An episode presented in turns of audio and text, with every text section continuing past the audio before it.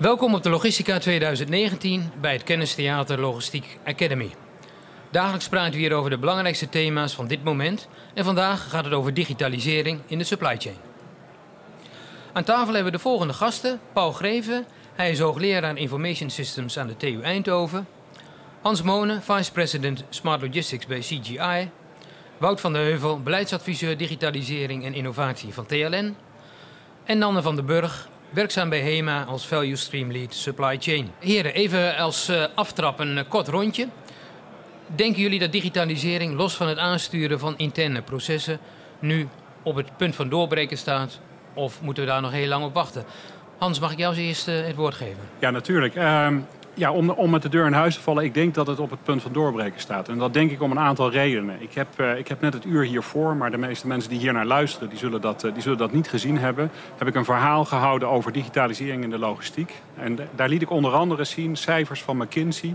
Die laten zien dat maar 8% van de bedrijven denkt dat ze, dat ze op de lange termijn nog doen wat ze nou doen. Dat is de ene kant. Dus en als je dan ziet, uh, ook qua data, ook een, ook een onderzoek wat... Uh, uh, nou, ik werk bij CGR en daarnaast ben ik één dag in de week ben ik, ben ik universitair docent in Twente. wat wij zien vanuit een jaarlijks onderzoek bij, bij CGR is dat partijen zeggen... nummer één thema qua business trends is digitaal worden. en dat, dat is, als je, als je partijen hoort die daarover praten... dan komt dat omdat men, men zich serieus afvraagt... wat doen wij over tien jaar als bedrijf? Uh, grote logistiek dienstverleners die zeggen van nou over tien jaar zijn wij dan alleen nog maar wielen en schepen. Dan wordt alles vanuit Silicon Valley georganiseerd, vraagteken. Ik was vorige week was ik op een congres in Antwerpen. Daar stond een hoogleraar uit Antwerpen met een, met een stelling die zei Amazon gaat straks ook logistiek dienstverlener worden. Ze hebben zulke dikke stromen. Ze zijn, in de US hebben ze al 100.000 man die puur met logistiek bezig zijn, uitvoerend. Ja, dat zou ook wel eens deze kant op kunnen komen. En dan gaan ze misschien ook wel stromen uh, uh, hun netwerk intrekken die dat nou nog niet zijn. Een bedreiging voor, voor, voor alles wat hier staat, alles wat hier beweegt. Kortom, ja, uh, digitalisering zit er aan te komen. Uh, want wat doet Amazon goed? Amazon heeft heel veel techneuten, heeft heel veel data scientists. Weet precies wat er beweegt, weet precies wat de klantvraag is. En telt die dingen bij elkaar op. Dus ik ben daar absoluut van overtuigd. We hebben nog niks gezien. Ja, en het is een kwestie van digitaal worden als bedrijf of uh, je overleeft het niet.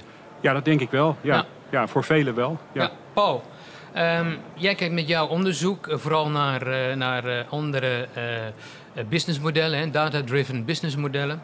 Um, maar zie je dat nou ook echt gebeuren in de logistieke wereld inmiddels? Ik zie het heel voorzichtig gebeuren. Ik zat vorige week, of twee, twee weken geleden, op een bijeenkomst om te kijken naar het gebruik van synchromodale logistiek.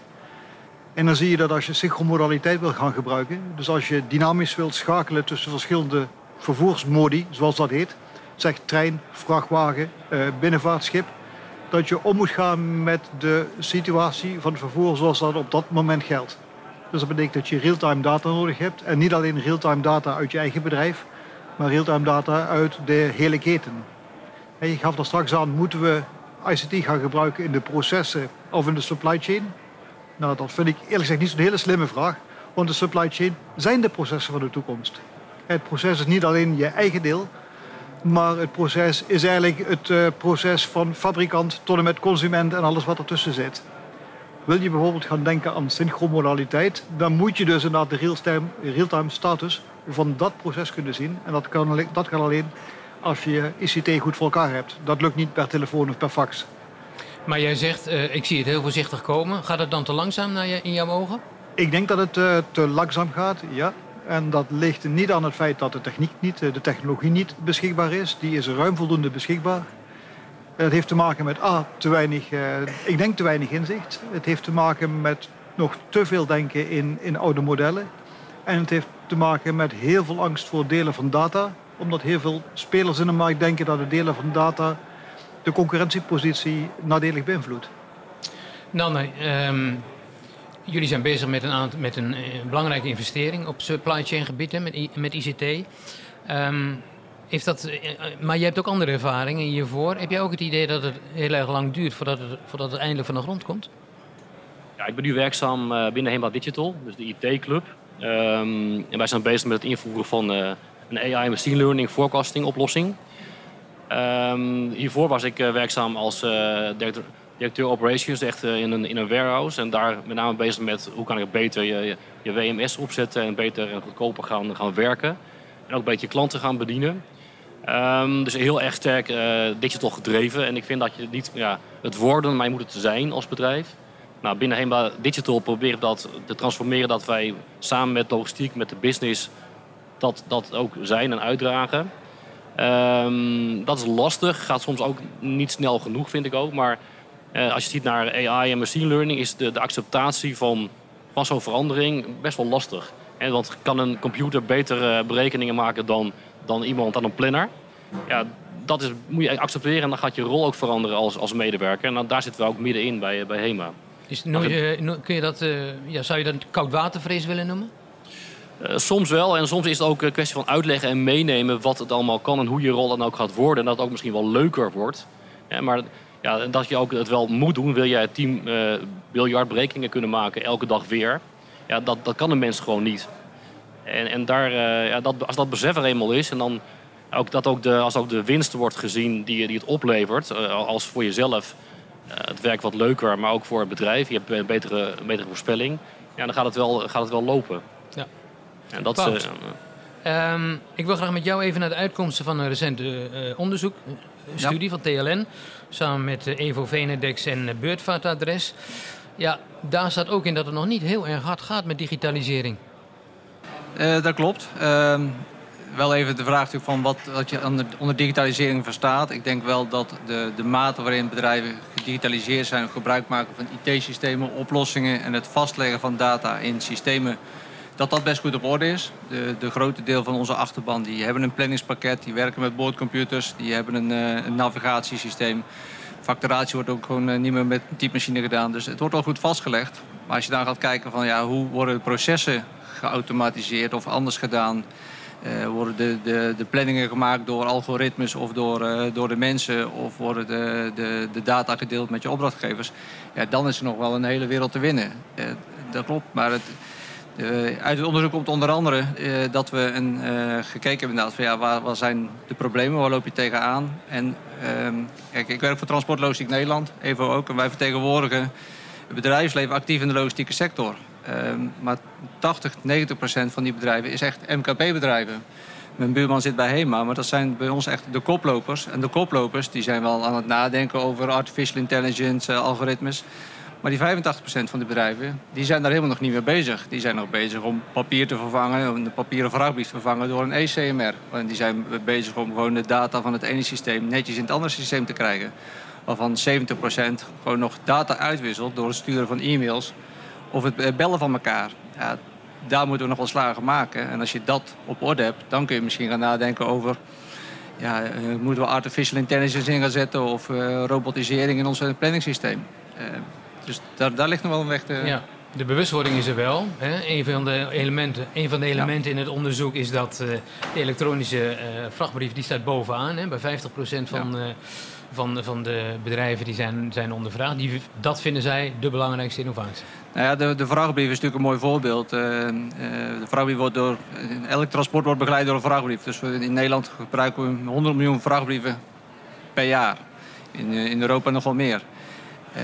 Ik, ik, spreek niemand die zegt van ja, ik vind papier makkelijker dan digitaal. Alleen het is gewoon heel moeilijk om zo'n zo relatief eenvoudig document te vervangen door een digitale oplossing. Niet technisch gezien, maar wel omdat je te maken hebt in veel, veel relaties. Je hebt te vaak met veel klanten, veel opdrachtgevers, veel IT-leveranciers, veel verschillende systemen. Zo'n vrouwbrief komt voor in een warehouse systeem, in een planningspakket, in een boordcomputer. Je klant moet het accepteren. Dus het zit veel meer in de organisatie en in de, het afstemmen. Het zit niet in de techniek. Maar je moet iedereen meekrijgen om dezelfde oplossing te kiezen. Nou, dat is wel waar we ook aan proberen te werken. Door het wel in te zetten op, op standaarden. Om de dingen, data meer uit te gewisseld op basis van standaarden. Dan dat we dat één op één doen. Ja, Evo Venendek zegt in 2025 moet iedereen over op de elektronische vrachtbrief. Zeggen jullie dat ook als DLN? Ja, dat zeggen we wel. Dus de, je moet ambitieus zijn. Uh, Beetje kijk, te ambitieus misschien?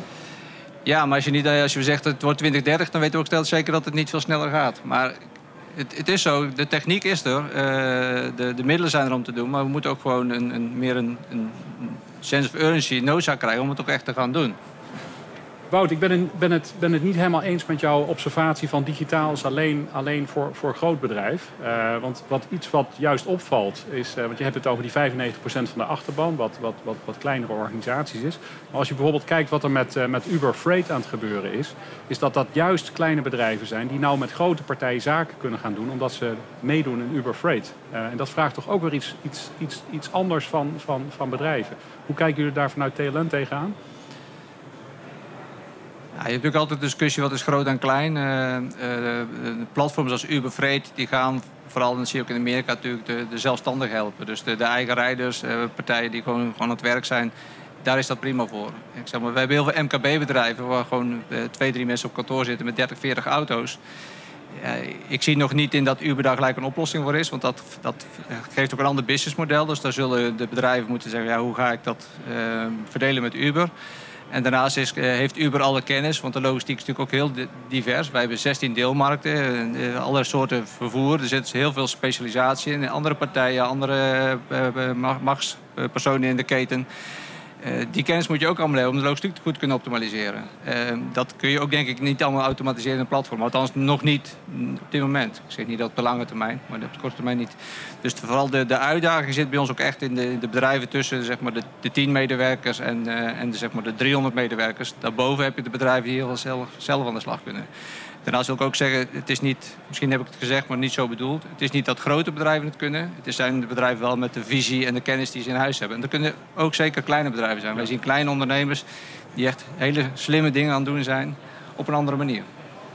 Paul, zie jij het ook vooral bij grote bedrijven gebeuren? En moeten we de kleintjes maar even de kans laten om uh, te wennen aan uh, de nieuwe wereld? Nou, ik zie eigenlijk twee tegengestelde uh, ontwikkelingen. Ik zie het bij de hele grote bedrijven gebeuren. Als je bij de hele grote vervoerders zoals Mask bijvoorbeeld gaat kijken, die zijn heel dik bezig met, uh, met IoT, met, met real-time monitoring van smart containers, dat soort zaken. Dat zijn de hele grote jongens. Ik zie dat er kleine zijn die innovatief denken omdat er één of twee innovatieve zullen rondlopen. Je hebt de, de vooruitdenkers nodig.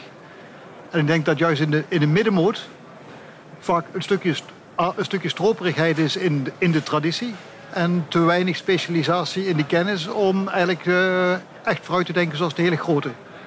Dus mijn vermoeden is, natuurlijk ben ik het met TLN eens dat het voor de hele kleintjes vaak moeilijk is, omdat er weinig deskundigheid is. Um, maar de, de kleintjes zijn wel het snelst te veranderen natuurlijk. Als ik hoor dat TLN zegt we willen een elektronische vrachtbrief per 2025, dat is zes jaar van nu, en dat ambitieus noemt, met alle respect overigens, ja. dan denk ik nou, een elektronische vrachtbrief is niet zo heel ingewikkeld. Als je kijkt in de, in de maakindustrie, uh, Rosetta net, daar heb je de feiten over uh, elektronische vrachtbrieven en dat soort zaken. Dat bestaat al één of twee decennia.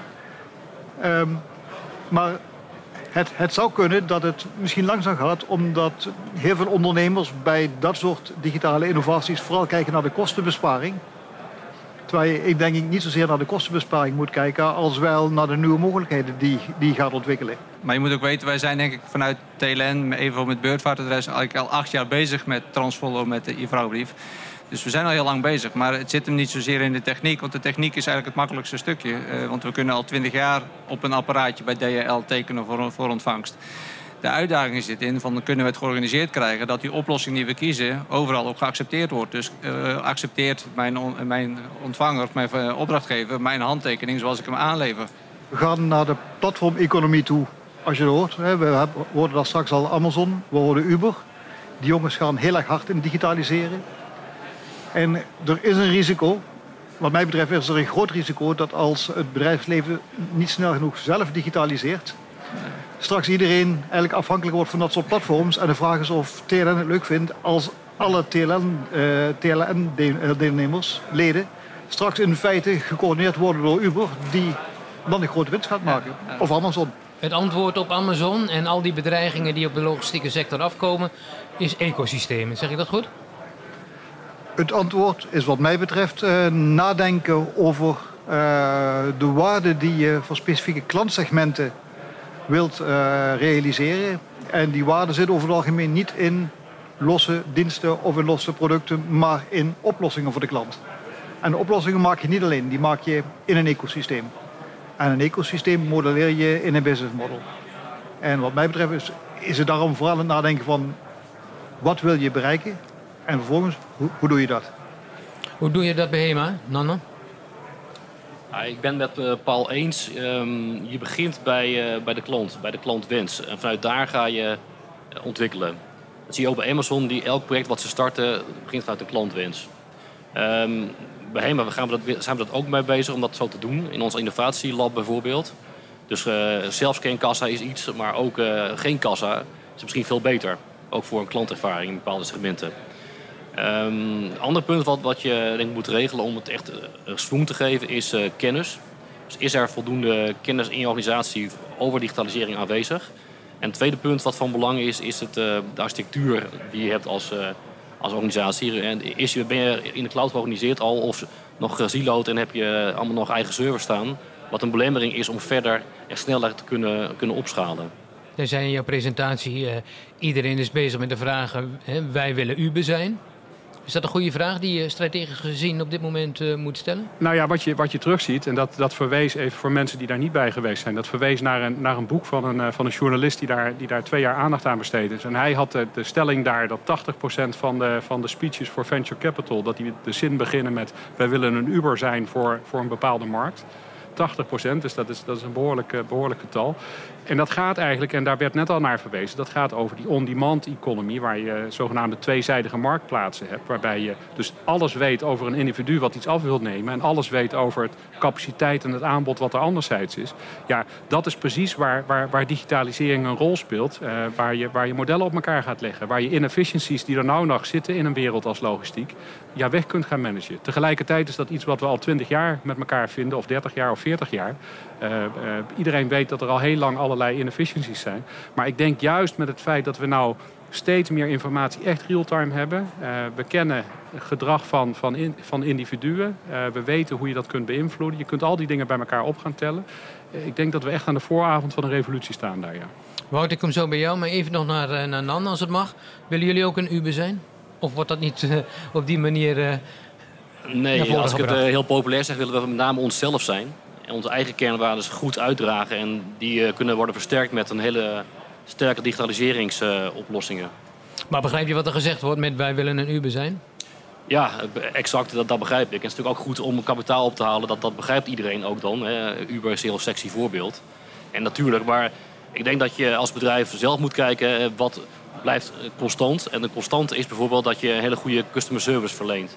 En je goede producten verkoopt. En hoe kan je dat het beste ja, de, met oplossingen, solutions gaan uh, ondersteunen. Wat jullie nu aan het doen zijn, wat voor uh, consequenties heeft dat voor producenten en voor logistiek dienstverleners die voor jullie werken? Um, ja, dat heeft uh, als gevolg dat, dat we eigenlijk van onze partners ook meer gaan verwachten. En ook van onze klanten her en der. Die, een vraag die ik nog wel heb als we kijken, en andere mijn, mijn collega's hier naast me is in Nederland zijn we best actief bezig. En dat zie je ook in de praktijk als we samenwerken met partners dat het best goed en, en, en soepel verloopt. Maar kijken we naar andere landen in Europa, bijvoorbeeld Frankrijk, dan hebben ze toch, toch weer een eigen standaard. Een iets andere insteek van uh, digitalisering. En, en hoe zien we dat in een Europees verband? Natuurlijk, je moet dingen Europees regelen. De logistiek die houdt zich niet aan grenzen. De logistiek uh, gaat over de hele wereld. Die ketens beginnen in, in Azië en die, die gaan door Europa. En de afvalstromen gaan weer terug naar India. Um, en zeker ook uh, logistiek vanuit onze achterban dat gaat door, door Benelux, Duitsland, Noord-Frankrijk en verder. Um, alleen als we die allemaal bij elkaar aan tafel moeten krijgen om afspraken te maken, dan zijn we nog heel lang aan het praten. Maar we zijn het hier wel gewoon in Nederland gewoon aan het doen. Dus we proberen hier wel gewoon stappen te maken door actief aan de slag te gaan met Transfollow, met Open Trip model, met iShare wat we hier gestart zijn in Nederland. En, en uiteindelijk hopen we daar natuurlijk Europa in mee te nemen. Waarbij we natuurlijk altijd wel kijken wat er in Europa gebeurt. Maar Nanne uh, wil niet zo lang wachten, denk ik. Nee, maar daarom, hebben wij ook zelf het initiatief genomen. Ik denk dat daar in Nederland uh, zeker... Uh, er is geen land in Europa waar we zo ver zijn met, met zaken als, als iShare en Open Trip. En ook de manier waarop we hier georganiseerd zijn. We zijn nog steeds natuurlijk een mooi polderland. En iedereen praat met elkaar. Wij zitten gewoon met handhaving en met de universiteit en iedereen om tafel om afspraken te maken. Dat gebeurt nergens in Europa. Een van de dingen waar ik in mijn verhaal naar verwees... was het, het, grote Europese initiatief wat loopt rondom de physical internet. De gedachte dat straks lading uh, gaat stromen tussen een, tussen een herkomst en een bestemming... Als, als data dat doet door het internet, dus allerlei servers. En dat dus individuele partijen daar alleen nog maar capaciteit op aanbieden... en dat die lading zelf zijn weg vindt. Ik heb ooit in het verleden uh, zelf in, in, in mijn promotieonderzoek naar dat soort concepten gedaan... Uh, dat, is, dat, dat, is, een prachtig vergezicht. Maar dat vergezicht dat, dat laat ook meteen zien dat daar het jaar 2050 staat daar centraal. Dat dat, dat, eindbestemming bereikt gaat zijn. Uh, hoe daar te komen, dat is denk ik de vraag die ons allen bezighoudt. Uh, en, en daar zijn dit allemaal stapjes naartoe. Tegelijkertijd, als je ziet uh, hoe partijen met, met, met data dingen veel slimmer aan het organiseren zijn. De, de praktijk is nog steeds dat er heel veel inefficiencies in allerlei logistieke ketens zitten. Nou, en dat is, dat is precies. Uh, en, en, en sterker nog, uh, ik durf te, durf te challengen, ik heb daar recent onderzoek van gezien, dat die inefficiency alleen nog maar groter wordt. Het oude, het oude 43% vulpercentage verhaal van, van, van kilometers op de weg, dat lijkt af te nemen. Met name doordat we steeds meer met pakketjes en dergelijke aan doen zijn. Die ook nog heel vaak vandaag bestellen, morgenochtend afleveren uh, patroon hebben aan de, aan de business-to-consumer kant. Uh, dus dat je, daar, dat je daar nog dingen veel slimmer kunt doen. Door bijvoorbeeld niet meer auto's naar deuren te sturen die, die toch niet open gaan. Uh, of door lading te gaan bundelen, zoals, uh, zoals Paul net al, net al aangaf. Ja, dat, dat moet echt gaan gebeuren. En ik denk dat partijen die dat slim doen en daardoor daar uh, de servicegraad richting klanten verhogen, dus een betere kwaliteit bieden, tegelijkertijd kosten aan het besparen zijn, ja, die, dat die zich gaan onderscheiden van, van partijen die dat niet doen, dat is, dat is evident. En dat, dat, dat, dat gaat steeds meer worden de komende jaren. Ja. Wat dan het precieze tempo gaat zijn, vind ik een hele moeilijke vraag. Dank jullie wel voor, deze voor jullie bijdrage in dit gesprek. Paul Greven van de TU Eindhoven, Hans Monen van CGI, Wout van de Heuvel van TLN en Anne van den Burg van HEMA.